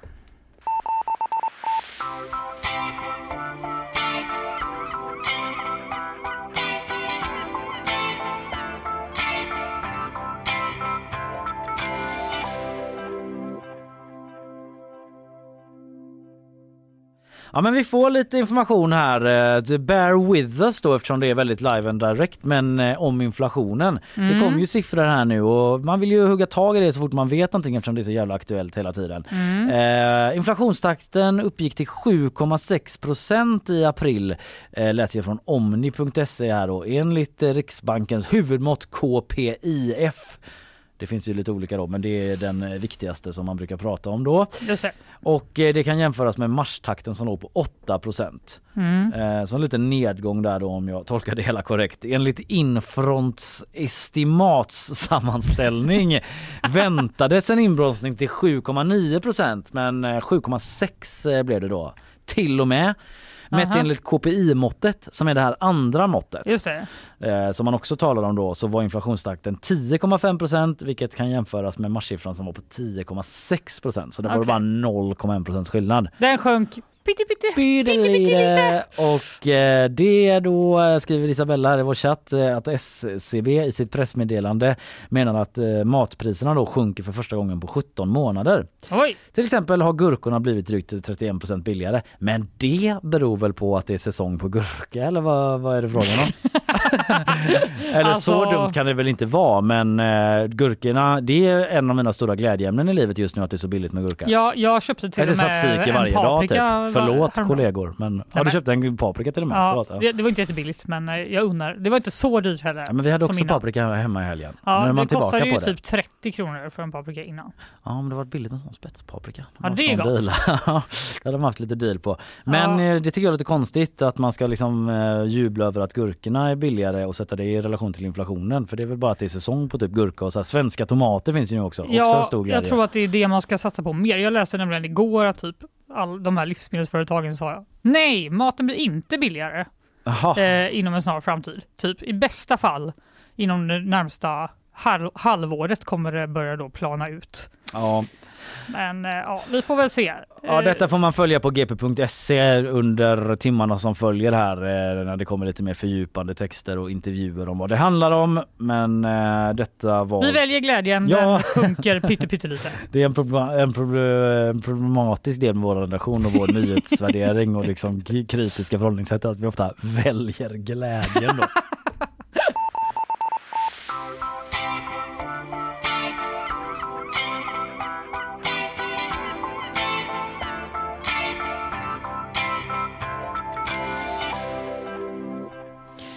Anställda vid Spaniens meteorologiska institut har utsatts för hat och hot från människor som hävdar att de ljuger om vädret. Jaha. Det skriver eh, nyhetsbyrån AFP. De ska bland annat ha anklagats för att själva ha legat bakom torkan de rapporterar om. Och klimatförnekare i Australien och Frankrike har börjat anklaga sina motsvarigheter för att ha manipulerat termometrar och medvetet placerat ut mätstationer fel i syftet att överdriva klimatförändringarna. Oj då, det låter eh, polemiskt. Det är ju lite taskigt att de bara, och nu är det torka i Spanien. De bara, det är ditt fel! Ja, Väder-Nils! Det är du som har gjort att det brinner i lilla I Eden. will kill the messenger. I will. Så sjukt tråkigt när man bara, "Ja, jag ska ändå bli meteorolog. Ja, man det börjar verkar trevligt. presenterar prognoser för vädret typ. Ja, då åker man Du på det ska direkt. dö. Ja, eh, kommunikationsvetaren då, Alexandre Lopez Borull säger att eh, meteorologer attackeras eftersom de, eh, de av klimatförnekare ses som en del av etablissemanget. De har bevis som talar emot det som klimatförnekare hävdar, så de försöker misskreditera dem. Ja, okej. Så tråkigt, eh, tr- tråkig eh, arbetsmiljö för dem helt enkelt, Verkligen. måste jag ändå säga. Undrar hur det ser ut i Sverige. Jo, det har Dagens Nyheter tagit reda på. Det har de. Tagit reda på, men de har åtminstone Ställt gjort en frågan. enkät, Ja. eller tagit del av en enkät.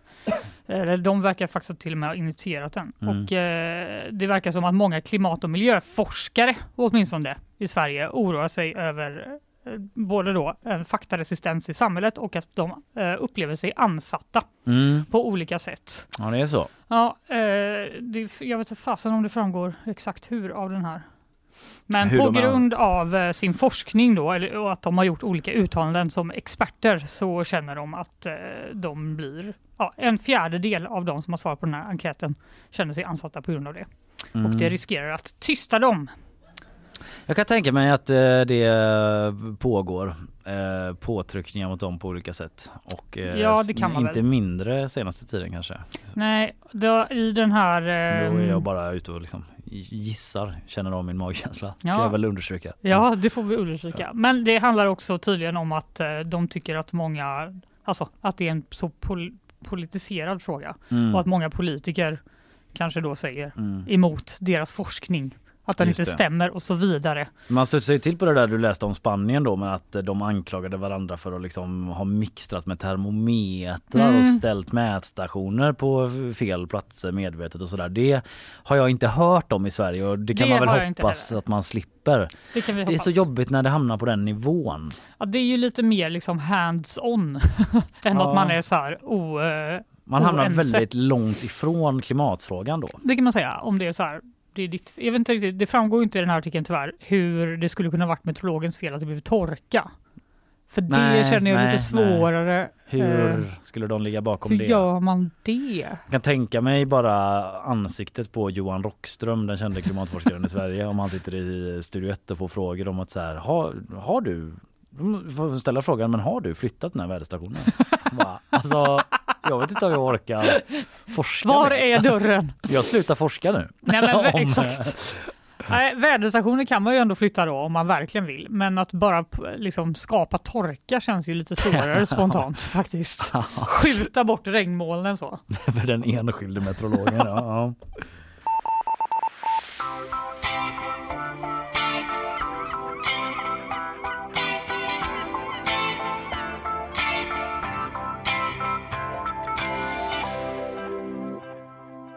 ja. Lite mer vetenskapsnyheter eh, från mig. Återigen eh, läser jag faktiskt från eh, svt.se om forskare som vill förbjuda cigarettfilter.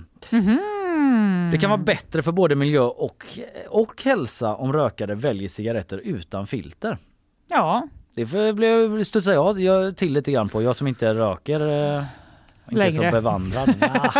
Ja, längre. Ja, men, nej, eftersom nej men är- du ser ju bara om du tittar ner på marken va? Ja men det fattar man ju, absolut den grejen. För Det har jag rasat om eh, sådär smårasat Ja. på eh, trottoaren med, man är ute och går med sin familj. Att, eh, Exakt. att det är liksom den enda typ eh, inom citationstecken accepterade formen av eh, nedskräpning. Alltså folk som aldrig skulle slänga liksom ett eh, paket kex eh, i naturen skulle, Nej, kan ändå vet. fimpa på gatan utan att det är en grej. Att man Det liksom inte faktiskt sant. räknar det som nedskräpning. För att bara, man måste ju fimpa ciggen. Liksom. Det är ju lite, ja, och de har ju ändå byggt små eh, askkoppar Ja, i varje de flesta kanske varje. använder dem, vad vet jag. Men det känns som att eh, folk som röker kanske gör ett undantagstillstånd för sig själva i huvudet när man bara fimpar på gatan. Det är faktiskt sant. Med något man aldrig skulle slänga på gatan all, annars liksom. Nej. Och då är det väl en, en och annan mikroplast i de där filtrerna gissar jag. Ja, det känns inte som de bryts ner i sådär rasande takt i alla fall. Nej. Men det som jag liksom var kanske lite mer förvånad över då det är något som Bethany Carney Almroth, professor i exotol, eh, ex, ekotoxikologi. Åh, nej. Ekotoxikologi. Ja. Eh, vi har pratat mycket den här morgonen redan. Jag bara, jag skyller på det. Ekovad. Eh, vid Göteborgs universitet eh, säger att man inte kunnat bevisa att filtren skyddar mänsklig hälsa. Just den aspekten också då. För det är väl hela anledningen till att de finns från början antar jag, de där filtren. Det låter ju så i namnen. Ja, exakt, men det är ju det man börjar tänka direkt. Det är alltså för att, men jag har typ tänkt att det är för starkt annars. Ja, det kanske är det. Men jag vet inte. Man, om man är lite sådär konspiratoriskt lagd eller gillar den typen av filmer och så, så känner man ju också att det, att det kan ju vara ett sätt för tobaksindustrin att eh, signalera att man gör något åt saken. Ja, Du det vet är en sån Mad Men-grej. One word. Filters. Eller hur? Ja. Att de bara, nu får du inte cancer.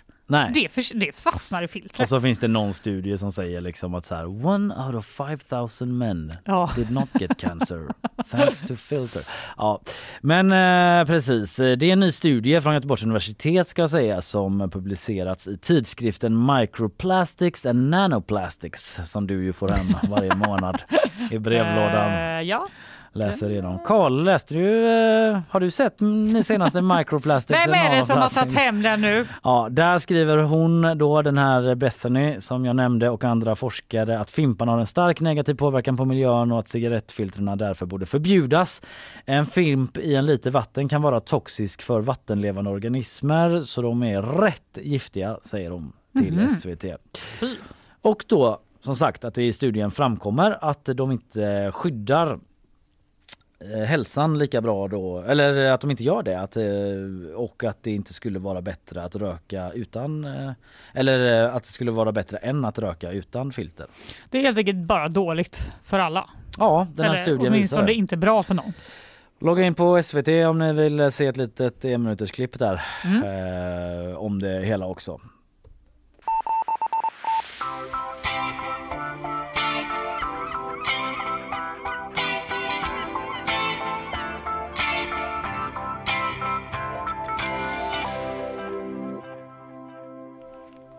Sven-Bertil Taubes aska har spridits. Mm. Han eh, lämnade ju oss eh, 87 år gammal eh, 20, november 2022 Ja. efter flera års hälsoproblem.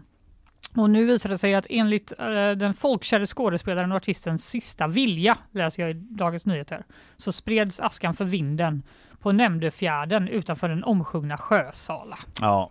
Det var väl fint? Ja men det berörde ändå någonstans ändå. Ja, Sjösala, Sven-Bertil Taube, liksom eh, ut över havet där. Han är ju liksom havets stora besjungare ja, det får man säga. här i Sverige. Det verkar som att det här sommarstället då, beläget på Hölö sydöst om Värmdö, byggdes av Sven-Bertil Taubes föräldrar Evert och Astrid eh, Taube på eh, 1930-talet.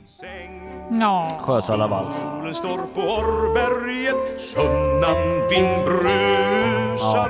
tror du de lyssnade på den när de spred askan? De tänkte säkert på den.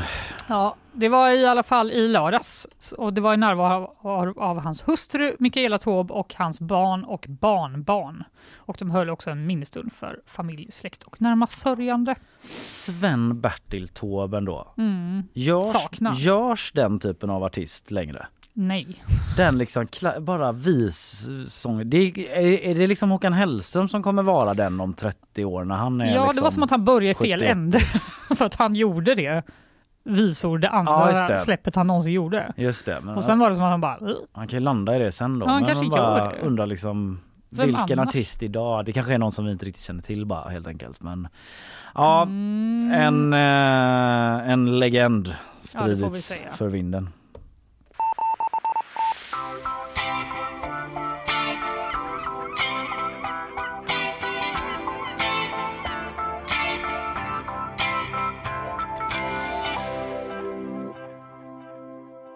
Ja, men jag skulle ändå vilja prata lite grann om eh, världens äldsta hund eh, helt kort här. Bobby. Världens äldsta hund fyller 31. Nej, Jo, är det, kan det verkligen stämma? ja det är det en står jätteliten hund? det. Eh, Svårt att se kanske? eh, Svårt att se men ganska liten. Det är en portugisisk herdehund av rasen Rafeiro do Alentejo. Mhm. Eh, alla hundmänniskor där ute. Du är... Eh, Nej, den ser väldigt så här normalstor ut eh, tycker jag när den sitter där med sin ägare Lionel Costa. jaha. Förlåt, eh, 31 år för en hund då. Hur är det man brukar säga? Hundår är hur många människor då? Är det inte gånger fyra? När kan det vara det? Då är den alltså 124 år då människor. Det låter ju eh, riktigt Med sju står det. Multiplicera hundens år med sju. Enligt är manypets.com. 280 år gammal. Vad? eh, Nej, inte på mig. 201, 7 med 3. Ja, det är i alla Jag fall kan ju säga att det finns inte ens med i den här tabellen att någon skulle kunna bli äldre än 21 hundår. För att det är så unheard of att bli så gammal som Bobby uppenbarligen. Det låter helt sjukt. Ja. Han fyllde år i torsdags i alla fall och under lördagen nu i helgen så var det stort kalas. Och det har Expressen skrivit om och eh, CNN då. Eh, för att eh, han eh, utsågs till världens äldsta hund i februari igår av Guinness rekordbok och eh, sen dess har han varit påpassad då av journalister. Det var väldigt mycket journalister och människor på det här kalaset från hela världen som kom dit för att ta bild på Bobby, säger Costa som eh, äger hunden. Så det har inte varit lätt för honom säger han. Men jag tycker, nej Gamla okej. hunden. Men jag tycker han ser lite tjock ut. Hunden? Ja, när, ser du den här bilden här på Aftonbladet, eller Expressen, det, när han får lite snacks? Eh, ja, ja, där ser Ser jag den. lite, Ja. lite, lite tjock ut. ja, han Det är kanske... inte bra för, om han, för hjärtat. Nej, men han kanske, alltså är man så gammal kan man få eh, lägga till sig lite grann. Hellre det än eh, andra vägen. Ja, man jo. smalnar av. Ja, men det, jag vet inte, jag är typ besatt. Jag tänker på att eh, min hund ska dö varje dag. Hon är sju år. Alltså, Men för att det känns så hemskt. ja, sluta tänk på det. Men hon är så stor så jag tror inte hon kommer tyvärr bli s- 31 år. Usch vad ledsamt. Ja, det är så hemskt. Cherish this time som Ja. vi har här tillsammans. Verkligen. Eh, han, han hade väldigt problem då med att gå och ha nedsatt syn och sådär på grund av sin ålder. Men eh, hemligheten bakom eh, den höga åldern då, vad Ja. tror du det är? Nej, det vill jag verkligen veta så jag kan kopiera. Det är ingen som vet det. Men, men eh, Costa, ägaren, säger att det är den lugna, fridfulla miljön på landsbygden i södra Portugal. Det, är för, det var ju kört Ja. för min del då. Vasastan. Kan inte säga att Dasha lever det mest Ute harmoniska på livet. Göteborgsvarvet på helgerna. Så här. Nu är det bara ett litet barn som bara Ah, och så slår på henne det varje är dag. inte samma som den portugisiska Hon bara landsbygden. thanks man. Ja, eh, men eh, så var det med det i alla fall. En eh, compelling and rich.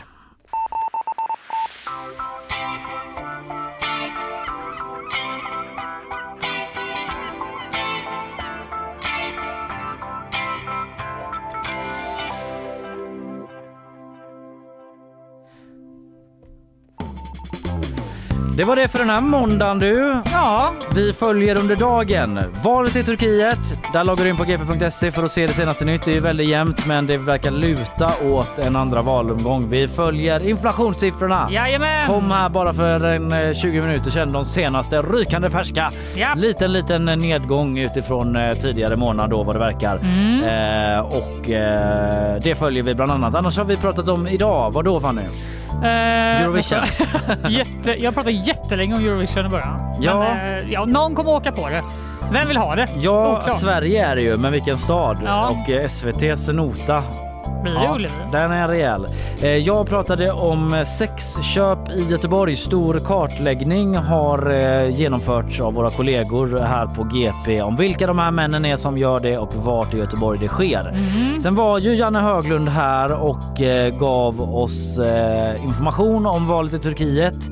Hjälpte oss att blicka framåt om vad som händer härnäst då och vilka som är de stora frågorna och har varit i valrörelsen där. Mm. Och den svåra situationen som oppositionen också har för Åh, att eh, herregud. komma till tals i det Mm. mycket speciella medielandskapet som råder i Turkiet. Eh, podden kommer ut här under förmiddagen. Eh, vi säger tack så länge och så hörs vi imorgon igen. Ja.